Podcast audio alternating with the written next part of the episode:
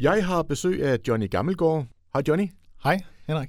Johnny, du har skrevet en bog, som vi skal tale om. Husk hjernen, så du ikke taber hovedet, og det vender vi lige tilbage til. Men allerførst, der tænker jeg måske, at vi lige skal have præciseret, hvem du er. Kan du sådan prøve lige at, at fortælle lidt om dig selv? Jeg hedder Johnny Gammelgaard. Jeg bor i Tjærborg med min kone og mine tre børn. Øh, arbejder øh, til daglig som konsulent og foredragsholder. Øh, og nu også forfatter. Ja, og det handler jo om øh, hjernen og hvordan vi bruger vores hjerne, specielt i pressede situationer osv. Men vi skal måske skynde os at sige, at du, du er jo ikke sådan en decideret hjerneforsker. Altså, det er jo nærmest en, en hobby for dig, som der, der er blevet din levevej, det her. Hvordan, hvordan er det gået til? Altså, det er jo også en del af mit, af mit daglige arbejde at forholde mig til på alle mulige måder mennesker under pres. Øh, og derudover så er det rigtigt, at øh, jeg tidligt som pædagog var heldig at stifte bekendtskab med nogle øh, øh, meget dygtige hjerneformidlere, da jeg arbejdede på Edelsvej i Esbjerg. Øhm, og så kan man sige, at min interesse blev ligesom, det var ligesom der, den gik i gang. Og så er det rigtigt, at så har jeg interesseret mig meget for hjernen og har været på et hav af forskellige kurser. Jeg er uddannet mindfulness-instruktør og konfliktcoach og stresscoach, og, og alt sammen var vigtigt for mig, at det var med udgangspunkt i hjernen. Øh. Og nu siger du selv, at du holder foredrag og så videre. Hvad er det, du sådan, øh, gør i dit firma der? Jamen, jeg er ude og holde kortere og længere foredrag om hjernen er ligesom i centrum, men, men, men det er tit om noget med at være under pres, noget med at kunne håndtere sig selv i forskellige situationer. Nogle gange er det det her med, at vi kalder det, at klappen går ned, altså på den korte bane.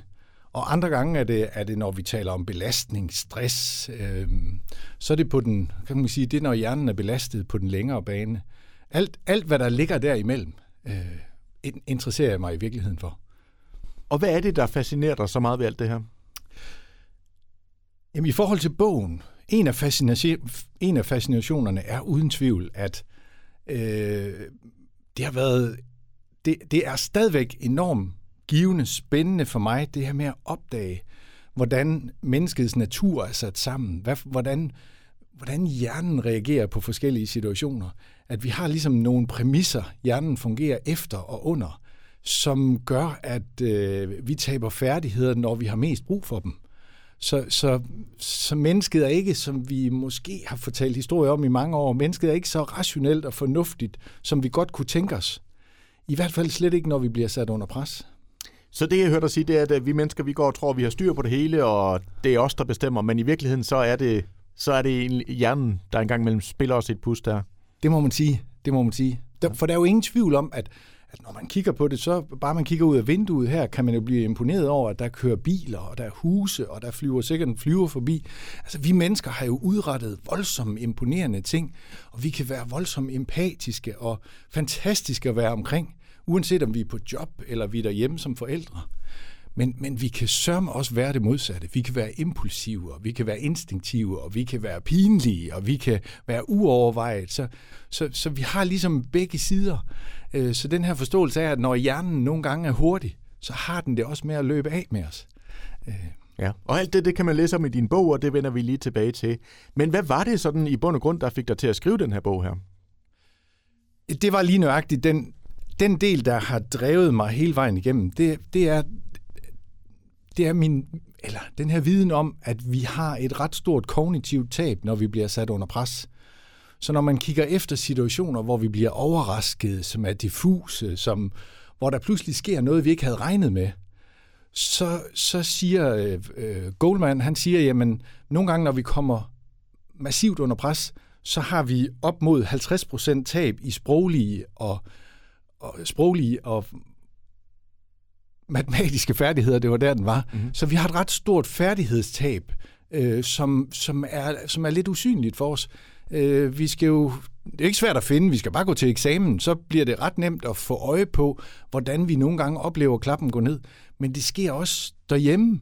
Altså det sker foran vores børn. Vi vil gerne lave en hyggestund, og så fordi situationen på en eller anden måde tager en drejning, eller børnene mister tålmodigheden, så, så har vi det også med at miste tålmodigheden. Og så oplever vi klappen gå ned, og så er det, vi nogle gange får den hyggestund, der lige skulle i gang, den får vi nogle gange ødelagt, fordi vi har yderst svært ved at styre vores system. Når du sådan typisk holder foredrag, hvem er det? Er det, er det virksomhedsledere, du holder foredrag for? Er det medarbejderne, eller er det herre fra Danmark? Eller hvem er det sådan typisk, du holder din foredrag for? Og jeg vil sige alt derimellem. Ja. Det er ikke ret længe siden, jeg var til et FOF-oplæg øh, i Varde. Øh, og andre gange, så er det ledere i forskellige virksomheder. Så det er ligesom alt derimellem, øh, jeg er ude og holde oplæg for. Så det er næsten sige alle faggrupper kommer jeg ved. Jeg kan næsten ikke få øje på noget, jeg kommer mere ved end, end andet. Så, så, så det, der er, det, der er vigtigt for mig, det er, at jeg får mig formuleret, både i bogen, men også når jeg kommer ud på en måde, så det giver mening. Øh, så det er meget vigtigt for mig, at det er til at forstå det, jeg siger, og at det er praktisk anvendeligt, uanset hvem man er. Så det, jeg hørte dig sige, det er, at bogen her, den er for alle, og, og der er, nu har jeg jo selv læst bogen, altså der er mange ting, man godt kan genkende, uanset om man er øh, en, en høj leder, eller man er helt almindelig familiefar. Ja, ja, det har du helt ret i. Den, den er netop, det, der var målet, var at skrive til mennesker, og ligesom prøve at synliggøre, når, hvad det vil sige, når klappen går ned. Hvad er det for nogle, hvornår er det, vi oplever, klappen går ned? Altså både på, når vi er hjemme ved familien, når vi skælder børnene ud, men også når vi står til eksamen, og noget er vigtigt, eller vi sidder i mødelokalet, Øh, nogle gange så er klappen, at vi skælder ud, og det bliver sådan meget tydeligt. Det kan man nogle gange finde tydeligt i sportens verden, hvor der er 50 kameraer på samtidig. Og andre gange så taber vi klappen, så vi bare sidder i stillhed.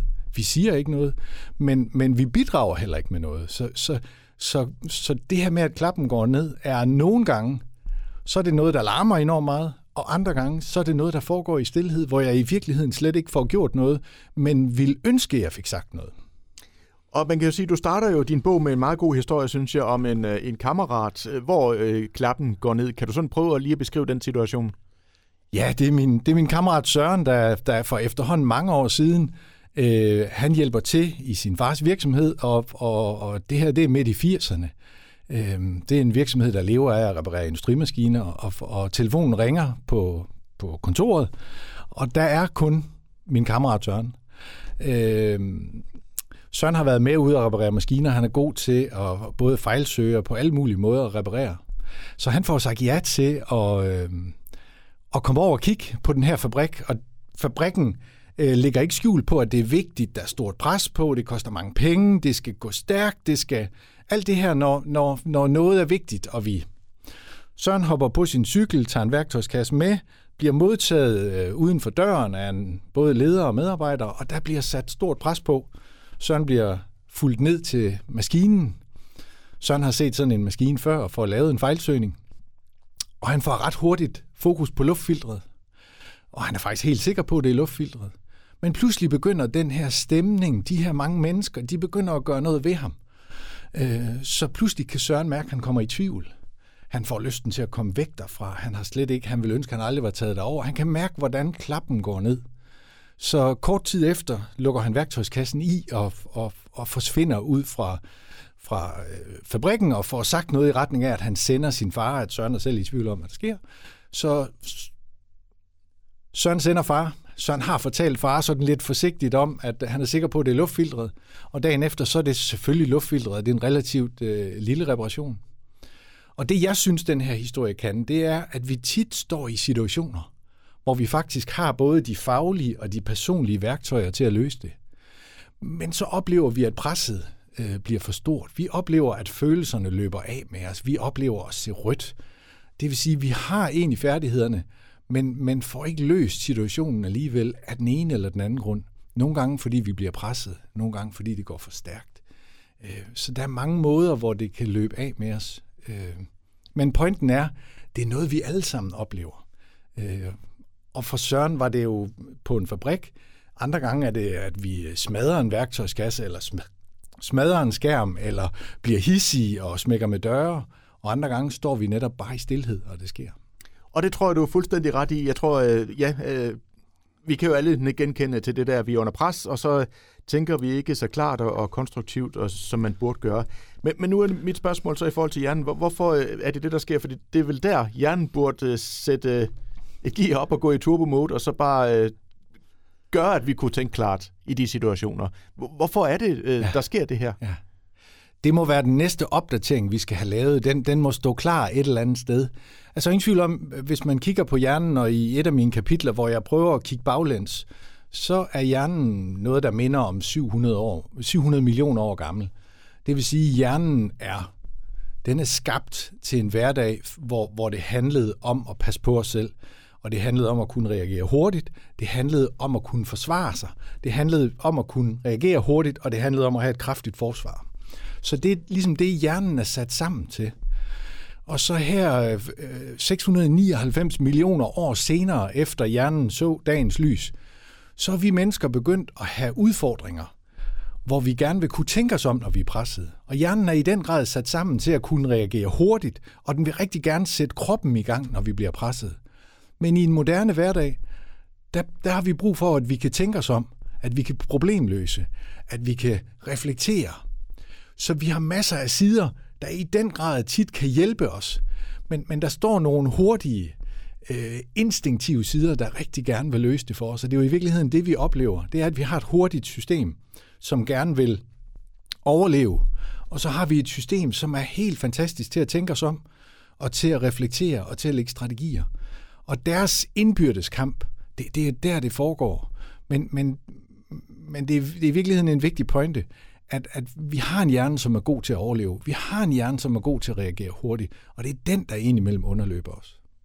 Men vi lever jo også i en tid, hvor vi jo helst skal nå så meget øh, som overhovedet muligt på så, så lidt tid som overhovedet muligt, ikke? Og have gang i mange ting, samtidig med at vi lige står og skal sende en sms, så skal vi lige gøre noget tredje, og røre i gryderne, og ungerne skriger og alt det der, ikke? Altså, er vores hjerner overhovedet gearet til, at vi skal gøre så mange ting på én gang? Øh, altså i det, jeg råder med, virker det helt klart som om, at vi, vi kan primært kun finde ud af én ting ad gangen. Men vi er gode til at skifte, så når vi taler om noget, så, så skifter vi mellem tingene.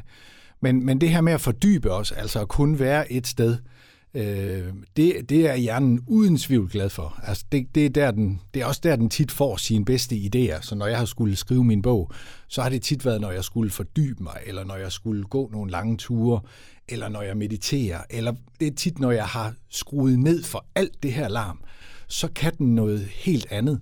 Fordi der er jo ingen tvivl om, at vores hjerne takler jo også den her hektiske hverdag meget godt.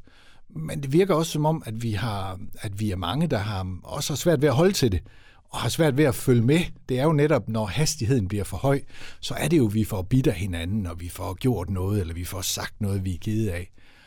Øh, vi har lige stået og snakket om ude bag, vi har lige stået og snakket om Facebook. Og Facebook er vel ofte et billede af, at at når vi begynder at svare hinanden meget hurtigt ind på Facebook, og vi ikke rigtig lige får de empatiske sider med, så får vi skrevet noget, vi aldrig ville gøre, hvis vi stod over for personen i virkeligheden. Så, så, så vi har nogle hurtige sider, som, som, som vi skal være varsomme med at bruge. Øh, vi skal i hvert fald sørge for at bruge dem de rigtige steder. Ja, ja. Og nu er det måske lidt svært at forklare i radioen, men du har jo sådan en rigtig god beskrivelse i din bog omkring sådan et jalousiskab hvor du nærmest øh, for, altså, sammenligner hjernen, hjernen med øh, sådan et skab der. Ja. Kan du på en eller anden måde prøve at forklare, hvordan det hænger sammen? Gerne. Øh, jamen, det er jo mig, der ser ting i billeder, og derfor så er der også dukket sådan et skab op for mig. Et jalousiskab, det er sådan et skab, der står på mange kontorer, øh, hvor der er sådan en frontlåge, der kan køre op og ned. Øh, og sådan et forestiller jeg mig lidt, vi har i hjernen. Og på de øverste hylder, der har vi alle vores, hvad skal man sige, bedste egenskaber. Øh, her kan vi reflektere, her kan vi lægge en strategi, her kan vi styre os selv. Øh, her ved vi, hvad der er rigtigt. Her, her opfører vi os ordentligt. Vi kan regne den ud, og vi kan gennemskue. Og så, øh, når vi kommer længere ned, så begynder det at blive lidt mere rutiner, vaner, genbrug. Øh, og nederst, der kommer følelserne. Øhm, så, så den her forståelse af skabet er i virkeligheden, at, at nok har vi mennesker øh, på de øverste hylder virkelig nogle imponerende ting. Udfordringen er bare, at der skal ikke ret meget pres til, før vi oplever, at klappen går ned. Og det er i virkeligheden den, jeg gerne vil have os til at opdage, hvor tit det sker. Hvor tit det sker både i trafikken og hjemme ved vores børn, at klappen går ned, og så forsvinder alle de der fantastiske sider, vi normalvis har, så, og så dukker der lidt nogle andre måder at takle hverdagen op, end vi måske i virkeligheden gerne ville, end vi gerne ville have, have gjort.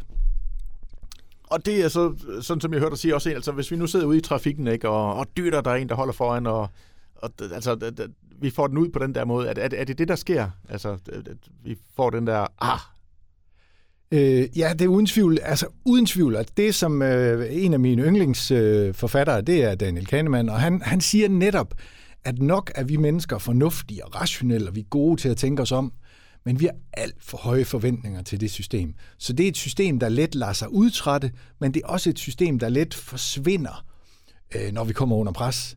Og det er jo netop det, vi ser, at øh, øh, hvis vi går lidt længere ned ad gaden her, så kommer vi ned i Føtex, så hvis vi går derned og stiller os og kigger i nogle af køerne, så vil vi opdage, at indimellem, så får vi bidt af hinanden. Vi får sagt ting på nogle måder, vi vil, vi vil ikke have gjort, hvis det var, at vi lige havde haft lidt tid til at tænke os om. Hvis vi kommer ud på motorvejen, og især ud i overhældingssporet, så oplever vi jo tit, der kommer nogen bagfra, som synes, vi kører for langsomt.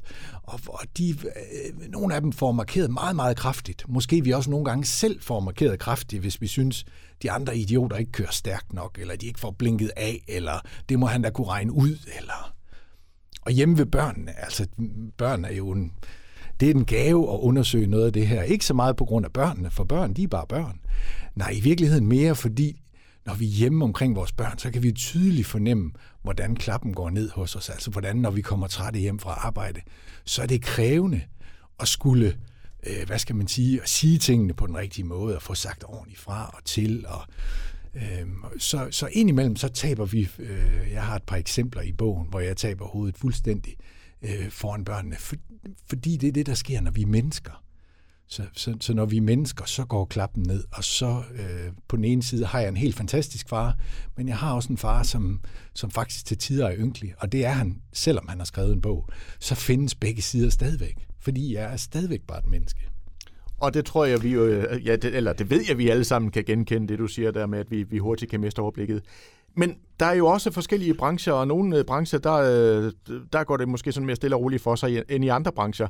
Du har jo øh, fulgt Sydvestjyske Brandvæsen ret tæt. Prøv lige at fortælle om den, han har sagt, mission. Jamen det var mig, der, der så i stedet for at tage på flere sådan øh, nøje-relaterede kurser, så ville jeg gerne sådan finde nogle mere praksis steder, hvor jeg kunne få lov at, at komme. Og i starten var det meningen, at jeg skulle drikke kaffe. Så jeg har været i mange sportsklubber. Jeg har besøgt de fleste øh, toptrænere i Esbjerg.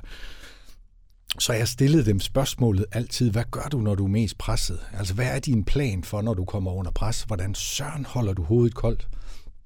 Og vi har virkelig nogle pragteksemplarer i Esbjerg øh, til den del. Øh, men, men noget af det, der også skete, det var, at jeg kom med brandvæsenet på, dem fik jeg et samarbejde med.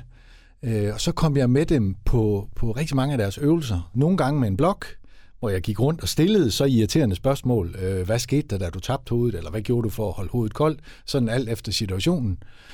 Og andre gange, så fik jeg lov at få udstyr på, og så var jeg med inde i alt det her pres. Øh, og det gav mig en masse aha-oplevelser. Det gav mig virkelig gode værktøjer. Ikke fordi jeg tror, at nogen af os skal trænes eller uddannes til brandfolk, selvom de har et fantastisk øh, øh, fællesskab, jeg kun kan anbefale, men fordi de har nogle værktøjer, der i den grad kan bruges i en fortravlet hverdag, hvor vi gerne vil have hovedet med, øh, hvor der er nogle situationer, vi gerne vil takle bedre.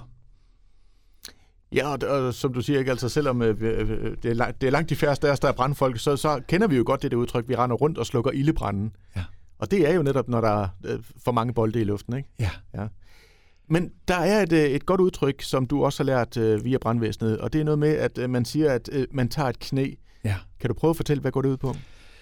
Ja, hvis jeg må starte et andet sted først, så, så det, der er sværest ved, ved, ved, ved, det, der har været vigtigt for mig at highlighte i min bog, det har været ligesom en erkendelse af, hvor kraftfulde de her systemer er. At vi skal ligesom opdage, at vi har systemer, der let tager over. Vi skal ligesom acceptere betingelsen af, at vi har irrationelle systemer. Vi har hurtige systemer. Øh, hvis man er i tvivl, så kan man tænde op fra Champions League i aften, Champions League fodbold, og så kan man være heldig at se nogle tætte kampe, og så, kan man, så bliver det meget tydeligt, hvordan de her systemer fylder rigtig meget.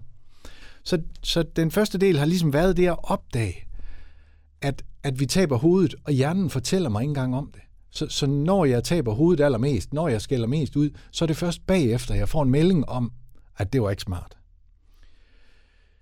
Brandmændene har et begreb, der hedder hellere kylling end grillkylling. Og den handler netop om det der at stå ved. Så hvis ikke jeg gør noget nu, så bliver det meget værre lige om lidt. Så jeg har en historie fra IKEA for eksempel, hvor, hvor, hvor børnene, hvor jeg har, eller hvor jeg har sådan en historie om en familie, der er afsted, hvor børnene begynder at tabe overblikket midt i IKEAs øh, 300 afdelinger. Og man kan sige, hvis ikke jeg finder roen først selv, øh, og accepterer, at, at nu skal vi gøre et eller andet konstruktivt, så bliver det meget værre lige om lidt. Så det har ligesom været første del, det er ligesom et eller andet med at være med på, at, at det fylder meget, og det fylder altid på overraskende, øh, situ- overraskende tidspunkter, hvor jeg ikke havde regnet med det. Når det så sker, så har brandfolkene et begreb, der hedder at tage et knæ. At tage et knæ, det ser fuldstændig ud, som når man frier til hinanden. Man sætter sig ned på knæ, og det er noget, de helt bogstaveligt gør. Så når presset bliver for stort, når overblikket begynder at ryge, når de begynder fysisk, psykisk at kunne mærke, at nu begynder mine reflekterende systemer for alvor at stå af, og værst af alt, overblikket begynder at stå af, så er de trænet til at tage et knæ. Og når de tager et knæ, så sætter de sig som sagt ned på knæ, og så tager de en dyb indånding helt ned i maven. De tager måske to eller tre. Mens de gør det, så er de i gang med at genskabe overblikket. Så, så, så når hjernen får sådan en, en tilbagelænet pause, så genfinder den i virkeligheden overblikket efter lidt tid. Så når den lige får lov at genfinde sig selv, så laver den en ny plan. Og så det, der sker, det er jo, at så går vi ind og løser det, vi stod i lige før. Hvorimod var jeg blevet der med det her hoved uden overblik, så var jeg formentlig kommet galt afsted. Og i brandmændenes verden ville det jo have været decideret farligt. Og det er måske også derfor, at man øh, ofte siger, tag nu lige og tæl til 10. Det er lidt det samme. Det er fuldstændig samme. Ja. Tæl til 10 og tag en dyb indånding. Og alle de der, hvor, hvor hjernen lige får lov at, at køle af. Og hvis jeg, kan, hvis jeg i virkeligheden kan finde ud af at tage en dyb indånding lige der, så er jeg godt hjulpet. Altså spørger jeg nogle af de her øh, øh, forskellige grupper, øh, af, af folk, der er vant til at være under pres, så vil, og hvad er det vigtigste? Så vil de sige, at det er at tage den dybe indånding på det rigtige tidspunkt. Problemet er, at det glemmer vi bare tit, når vi er under pres. Så, så det er ikke noget, systemet har automatiseret. Så det er ligesom noget, jeg skal kompensere for. Øh, og det er der, knæet blandt andet kommer ind. Det er jo, at det er en helt fantastisk måde, at i stedet for at gå direkte ind i den her konflikt, eller løse den, mens hovedet er fraværende, så kan jeg lige give mit system en mulighed for lige at at finde sig selv, og så kan jeg gå ind i det. Og så har jeg genfundet de øverste hylder af det her jalousiskab. Og så er der en meget større chance for, at jeg finder en federe, bedre og mere velovervejet løsning. Så det er ikke noget med at, at ikke at gå ind i det, det er at gå ind i det på det rigtige tidspunkt derimod.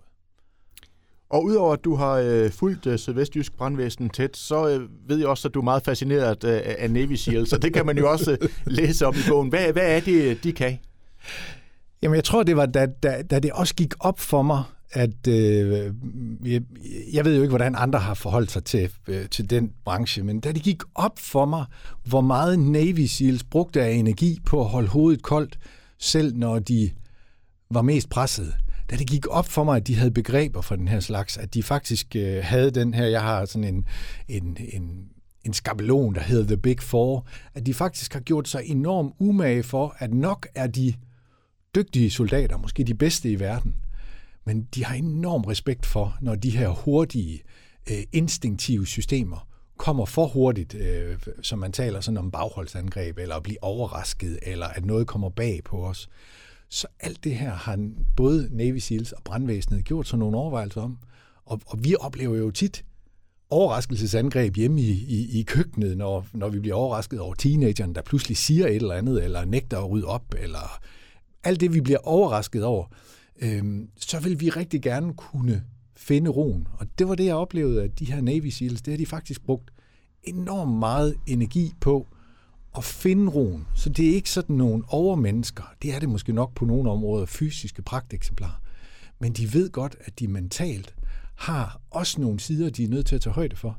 Og det, det betog mig helt vildt på dem. Øh, øh, det, det var jeg meget betaget af, da det gik op for mig, at de var lige så meget menneske, som jeg var men de har taget højde for det. Nu skal vi jo selvfølgelig ikke afsløre alt, hvad der står i bogen og give alle fif fra os, men altså, hvis vi nu overfører det her til os selv, øh, for eksempel, jeg bliver sådan meget hurtigt panisk, når jeg skal lave øh, gør det selv arbejde derhjemme. Det, det, det, sådan, det får mig helt op i det røde felt, fordi også, jeg ved, jeg er på udebane. Øh, spørger min kone, hun vil svare ja, det, det går meget hurtigt. Ikke? Altså, hvad, hvad, hvad kan jeg lære af at, at læse den her bog her? Øh, der er jo ingen tvivl om, at, at øh, uanset om det gør det selv arbejde, eller noget andet, der skræmmer os, eller hvor vi har en adfærd, vi vil ønske, åh, her vil jeg gerne lige have lidt mindre, her vil jeg gerne bide lidt mindre, her vil jeg gerne lige nå at tænke mig om, jeg vil gerne være bedre til at gå til eksamen, eller hvad det måtte være, så, så, så ligger der en, både nogle øvelser i forhold til at kunne finde det her dybe åndedræt, men også hvordan man gør det, hvordan man får det trænet inden. Øh, Øh, så hele den her, altså den første del handler jo ligesom om at forstå, hvordan er det her system sat sammen. Og den anden halvdel giver en, en lang række øvelser til, hvordan kan det så bruges. Øh, og så tredje del er jo ligesom, at vi skal ud og øve os på det, og meget gerne nogle steder, hvor vi kan få succes med det. Øh, så der er ingen tvivl om for mig, at, at læser man bogen igennem, øh, og kommer ud og øve sig på nogle platforme, hvor jeg kan overskue det, øh, øh, så, så, så kan man få nemmere ved nogle af de ting, eller man kan blive bedre til at håndtere sig selv. Men, men selv mig, der ikke har rodet med andet de sidste 10 år, jeg har jo stadigvæk også et hurtigt system, som indimellem underløber øh, både mig og min fornuft. Så, så, så jeg er også bare øh, indimellem sådan en, der står og skælder ud, eller er pinlig over for mine børn, eller ikke får sagt noget. Det er måske i virkeligheden tit det, jeg slås med, det er, at jeg får ikke sagt noget i situationen. Så, men, men jeg gør mig hele tiden umage med, nogle gange tager jeg et knæ, nogle gange tager jeg en dyb indånding, øh, nogle gange prøver jeg at sætte hastigheden lidt ned. Hvis jeg står i en krævende situation, så prøver jeg at sætte hastigheden en smule ned, fordi så ved jeg, at min hjerne har lidt nemmere ved at følge med. Så, så der er sådan flere ting, hvor man typisk får lavet sin egen vej, men der er bare ikke noget, der kommer til at kurere eller fjerne det. Men, men, men bevidstheden om, og det at øve sig på at takle det, det kan uden tvivl gøre det bedre. Og jeg kunne, det er sjovt, du siger, for jeg kunne ikke øh, lade være med at grine, da jeg læste øh, et af kapitlerne her, hvor du selv siger, at øh, altså, du, du, du har udfordret dig selv ved at tage på, ud og sætte telt op. Og nu, nu øh, blev jeg jo, øh, i vores familie blev vi jo kampister her for en to-tre år siden, så jeg kan jo udmærket godt øh, genkende lige præcis det scenarie. Nu var det så godt nok i campingvogn, men der skal et fortelt op og så videre, ikke? Ja.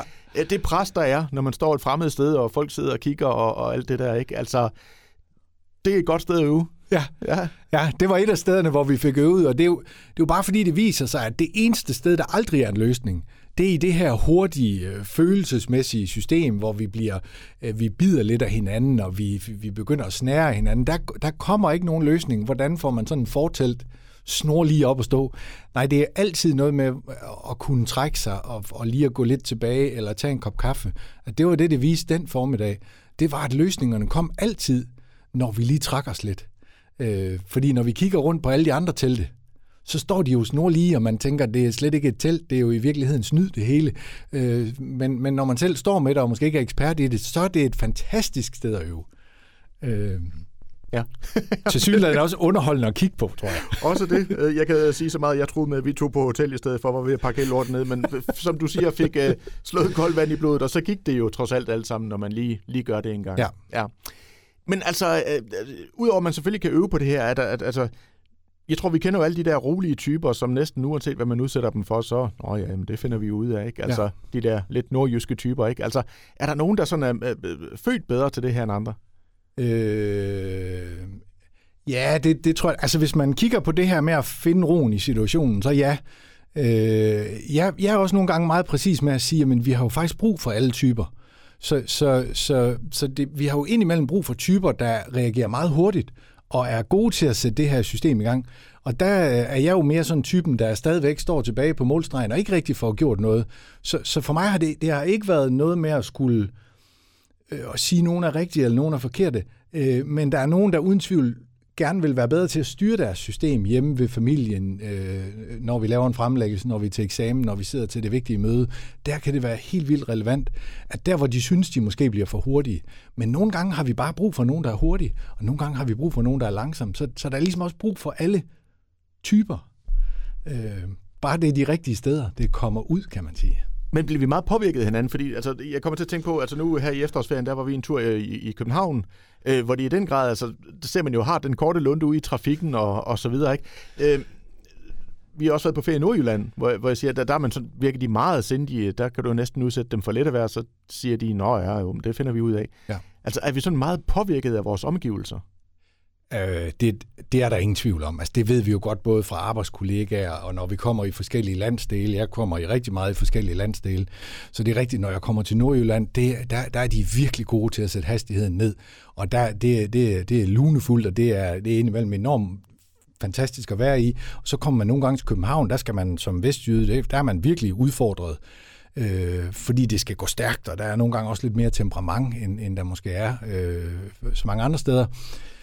Altså ingen tvivl om, at når man blander spejlneuroner ind i sådan noget her, spejlneuroner, det er sådan en type neuroner, der findes i hjernen, der gør, at vi, at vi spejler hinandens humør. Øh, vi skal prøve, hjernen skal prøve at finde indsigt og hensigt. Så, så det er jo netop grunden til, at, at, vi, at vi bliver enormt smittet af hinandens humør. Af, af hvordan vi bliver både smittet af det, af det gode humør helt enormt, men vi bliver i den grad også smittet af, af det modsatte, at når folk skælder ud eller er vrede, eller så, så, så, så spejlneuronerne, som er sådan en type neuroner, der findes i hjernen, gør, at vi er meget hurtige til at adaptere hinandens stemning, kan man sige. Ja, fordi hvis vi nu øh, går lige øh, vender tilbage til Navy Seals eller Sydvestjysk Brandvæsen, hvis en af dem begynder at panik, så breder det vel sig hurtigt i, i flokken også, tænker jeg, ikke? Ja, ja. ja. ja. Det er jo netop det, der sker. Det, det, nogle gange er det nemmest at se i, hvis man kigger sport, eller man kigger... Øh, ja, sport er et godt sted, for der er enormt mange kameraer, der er enormt mange mikrofoner, og det er svært at løbe fra. Så der bliver det meget tydeligt, når, når, når presset bliver stort. Og man kan tit se, hvordan hele hold sætter ud på én gang. Øh, op i Midtjylland, øh, nu skal de spille mod Liverpool i aften. Op i Midtjylland, der har de B.S. Christiansen, Øh, jeg er jo dybt imponeret over det arbejde, han render og laver deroppe, men jeg tror ikke, det er så mange andre end. Jeg tror ikke, det er ret mange mennesker, der opdager, hvor imponerende det er, det de laver, at, at når de kommer under pres, så er de fantastisk gode til at komme hurtigt videre og få styr på deres egen butik. Så, så, så det BS render rundt og laver deroppe, uden at jeg ved fuldstændig, hvad han laver, men han er dybt imponerende til, at de er gode til at holde balancen, når de står i noget, der er svært, og så har de også garanteret en personlig plan for, hvordan kommer de videre? Hvad gør de næste gang, de rammer noget svært? Så de har alle sammen forholdt sig til, at næste gang de får et gult kort, eller brænder en chance, eller de oplever modgang, så ved de alle sammen, hvordan de styrer i første omgang deres egen butik. Altså at man skal ligesom, det er jo det hele bogen ligesom ligger op til, det er, jamen hvis jeg kan styre min butik, så kan jeg faktisk både smitte, og jeg kan fagligt takle det, jeg kommer ud for. Når først klappen går ned, ja, så bliver det langt sværere, fordi så er der jo en lang række af mine færdigheder, der lige nu er uden for rækkevidde. Hvis vi lige vender tilbage til bogen her, øh, hvad er det, hvis vi sådan lige skal lave en bottom line på det her, hvad er det, du gerne vil have, at øh, jeg skulle få ud af at købe den bog her? Jeg vil enormt gerne, at du opdager lidt om, altså jeg har, jeg har været fortaler for, at vi skal forstå lidt mere om vores eget styresystem. Det er egentlig mellem lidt pudsigt, at vi forstår vores telefon bedre, end vi forstår vores egen hjerne. Så vi forstår ligesom, hvorfor den ikke holder at blive ved med at sige, at mennesket er rationelt. At det er rigtigt, vi er gode til at være rationelt, men vi sørger også tit har følelser, der underløber os i alle mulige situationer. Både når det bliver larmende og når det er i stillhed. Så jeg vil gerne have, at vi ligesom bliver lidt klogere på vores eget styresystem. Og så nogle redskaber til, hvordan jeg kan takle det i forskellige situationer, øh, lige fra eksamen og derhjemme i familien. Øh, altså forskellige værktøjer, hvordan jeg griber det an, øh, så det passer til mig. Øh, det har i virkeligheden været, været drivkraften. Især det der med at fange øh, klappen, der går ned. Det. Og fortalt på, på et sprog, vil jeg sige, så jeg var lige ved at sige, så selv jeg forstår det, så, så, altså på et meget, øh, altså på et niveau, hvor, hvor alle kan være med. Det har, været, det, har, det har i hvert fald været hensigten. Det har ja. helt klart været hensigten. Ja. Og med mange konkrete eksempler også. Ja. ja. Ja, det er jo netop det her med, at midt imellem, at der er en, en forståelsesramme, og der er en, en værktøjskasse, kan man sige, så er der jo 30 øh, alle mulige forskellige historier, øh, både hjemme fra børnefamilier og mens vi er på job, og altså forskellige steder, hvor både hvor det, vi taber hovedet tydeligt, eller hvor jeg taber hovedet, der er mange af dem, der, der er jeg hovedperson, og så er der også nogen, der handler om, jamen, hvordan holder vi så også fast i det? Hvordan er det, det lykkes så? Altså, fordi vi lykkes jo også tit med at holde hovedet koldt i nogle vilde situationer. Og jeg er bare optaget af, at vi bliver bevidst om, hvordan det er, vi gør det. Øh, fordi så kan vi, så kan vi bruge det meget mere. Mm. Jeg kunne godt tænke mig lige at slutte af med lige at tale lidt om den her coronasituation, vi er i, fordi øh, hvad man også kan læse i bogen her, det er jo, vores hjerner jo bedst kan lide, når der er ting, vi kender. Ja. Øh, det fungerer vi bedst i. Ja. Øh, man må jo i den grad sige, at vi lever i en situation, hvor vi, vi kender jo stort set ikke dagen i morgen Nej. på mange områder. Øh, hvordan agerer vi som mennesker i, i alt det her lige nu? Ja, altså hvis jeg kigger på det både sådan personligt og, og med viden om hjernen, så, så ser det ud som om, at, at vi klarede første del hele foråret. Tænker jeg, hvor var det imponerende. Hvor var det imponerende, at vi stod i noget, som var svært, men blev ved med at holde fast i en eller anden kreativitet på alle mulige måder. Vi mødtes på forskellige måder. Vi havde virtuelle øh, møder. Vi havde øh, restaurationerne, som jeg tit har været meget imponeret over, men de var helt fantastiske til at, at gribe ting an på alle mulige måder. Og nu her anden gang synes jeg, det er lidt mere øh, afmægtigt. Altså, altså nu synes vi, noget af det, som, som følesystemet enormt gerne vil have, det vil enormt gerne vide, hvad er det, der sker, og hvor lang tid skal det her holde ved. Så, så, så i virkeligheden, så vil vores hjerne gerne vide, hvad er det, jeg er oppe imod. Og så når vi ved, hvad vi er oppe imod, så kan man sige, nå, okay, det, så ved jeg, at jeg skal vente til januar eller marts. Eller... Og lige nu kan, kan, kan, kan hjernen ikke få det at vide. Så det vil sige, at vi skal være i sådan en diffus situation, uden svar, uden afklaring. Og det skal vi på en eller anden måde affinde os med. Øhm, og det, det fornemmer man jo tydeligt. Det fornemmer jeg tydeligt, hvor, hvor svært det er at skulle øh, leve i sådan uafklaret. Ja, og det, altså, ja, det hører man jo typisk folk sige, hvis vi det bare en slutdato på, Ja. på den her situation. Ja, lige her. og, præcis. og det gør vi jo bare ikke, og vi er jo vant til at sådan mere eller mindre kunne, kunne kontrollere alting. Er det her en, en, hvis man skulle sige, at der skulle komme noget godt ud af corona her, er det, er, er det sundt for os? Du siger selv det der med, at man skal prøve lige nogle gange at kaste ud på dybt vand eller ud af komfortzonen der, ikke? Er, Ja. er, er, er, det, er, det, er det sundt for os? Og jeg vil rigtig gerne, når vi skal i gang med at øve på, som der står i min bog, så vil jeg rigtig gerne, at man ved, at der ligesom kommer et godt resultat ud af det. Så man skal ligesom finde nogle gode steder at øve, hvor man kan styre det. Øh, personligt har jeg ikke følelsen af at kunne styre corona, og, og kan godt mærke, at det gør også noget ved mig. Jeg øver mig på at begrænse mig selv til et af kapitlerne, der har jeg noget, der hedder en 1 meter verden. Altså at jeg prøver at forholde mig til det, jeg kan styre. Men jeg kan også bare konstatere igen og igen, at det rammer mig alt det, jeg ikke kan styre. Og så begynder jeg at forholde mig til alt det, der er uden for mig. Så, så, så jeg øver mig enormt meget til at passe min egen butik og gøre det, øh, Søren og alle de andre siger. Øh, men kan også mærke, hvor, hvor meget jeg er presset af det. Fordi jeg vil gerne handle mig ud af det, og det er jo netop det, vores system indimellem gerne vil. Det vil gerne handle sig ud af problemerne. Og lige nu virker det som om, jamen tålmodighed, masker, sprit, alt det her, det er det, der skal have gang i, men vi vil så gerne i gang med at gøre noget. Øh, og vi kan ikke rigtig, vi synes ikke rigtigt, at vi kan komme af med den handlekraft, og så bliver den til, måske i virkeligheden til afmagt, og den kan være svær at have med at gøre. Det, det er den i hvert fald, hvis jeg bare kigger på mig selv, så, så synes jeg, den er svær at have med at gøre. Det er en svær størrelse for os alle, men måske vi skulle slutte af der. Du er jo selv inde på den der med, med 1 meter reglen der, altså som også, så vidt jeg husker fra bogen, er fra Navy SEALs. Lige præcis, Ja, ja. altså, hvad er det, det går ud på? Fordi det tænker jeg måske er meget brugbart, Ja. øh, så vidt muligt i de her tider her. Jamen, øh, jeg har været glad for Navy SEAL'en Mark Owen, og Mark Owen, han er i en, af, i en af hans bøger, der er han ude at klatre i Las Vegas, og han klatrer højt op, og han har noget med højder. Og lige den her dag, der, der kollapser det for ham. Han bliver kapret af hans amygdala, eller hans følelser, og, og han bliver hængende på den her bjergside, øh, og er dybt angst, og er frosset, og kan ikke komme videre, og begynder at bebrejde sig selv. Og, og så kommer der en, øh, en klatreekspert op til ham og fortæller ham, at, øh, at hans råd ville være, at han forholdt sig til hans 1 meter verden. Altså det, han kunne styre lige her og nu. Så det, der var i hans magt, det han selv kunne styre, øh, det skulle han gøre. Og det blev ligesom sådan et mantra for Mark Owen, øh, at når han kom i noget, som var svært, øh, og hvor der var en masse ting, han ikke kunne styre, jamen så prøvede han at begrænse sig til sin egen verden. Mm. Øhm, og, det, og det synes jeg bestemt er brugbart i den, i den her situation, at, at, at vi kommer let til at kigge alle mulige steder hen, hvor der er noget, vi ikke kan gøre. Men, men, men at, at prøve at kigge på det, vi kan gøre noget ved, og det er netop det, en meter reglen handler om. Og i første omgang er det jo noget med at følge de anbefalinger, der er, men, men i høj grad også at følge det her med at huske at ringe til hinanden, og huske at opretholde nogle relationer, om end på afstand eller virtuelle, men sørge for ligesom at, at dyrke noget af alt det, vi ved er godt for os.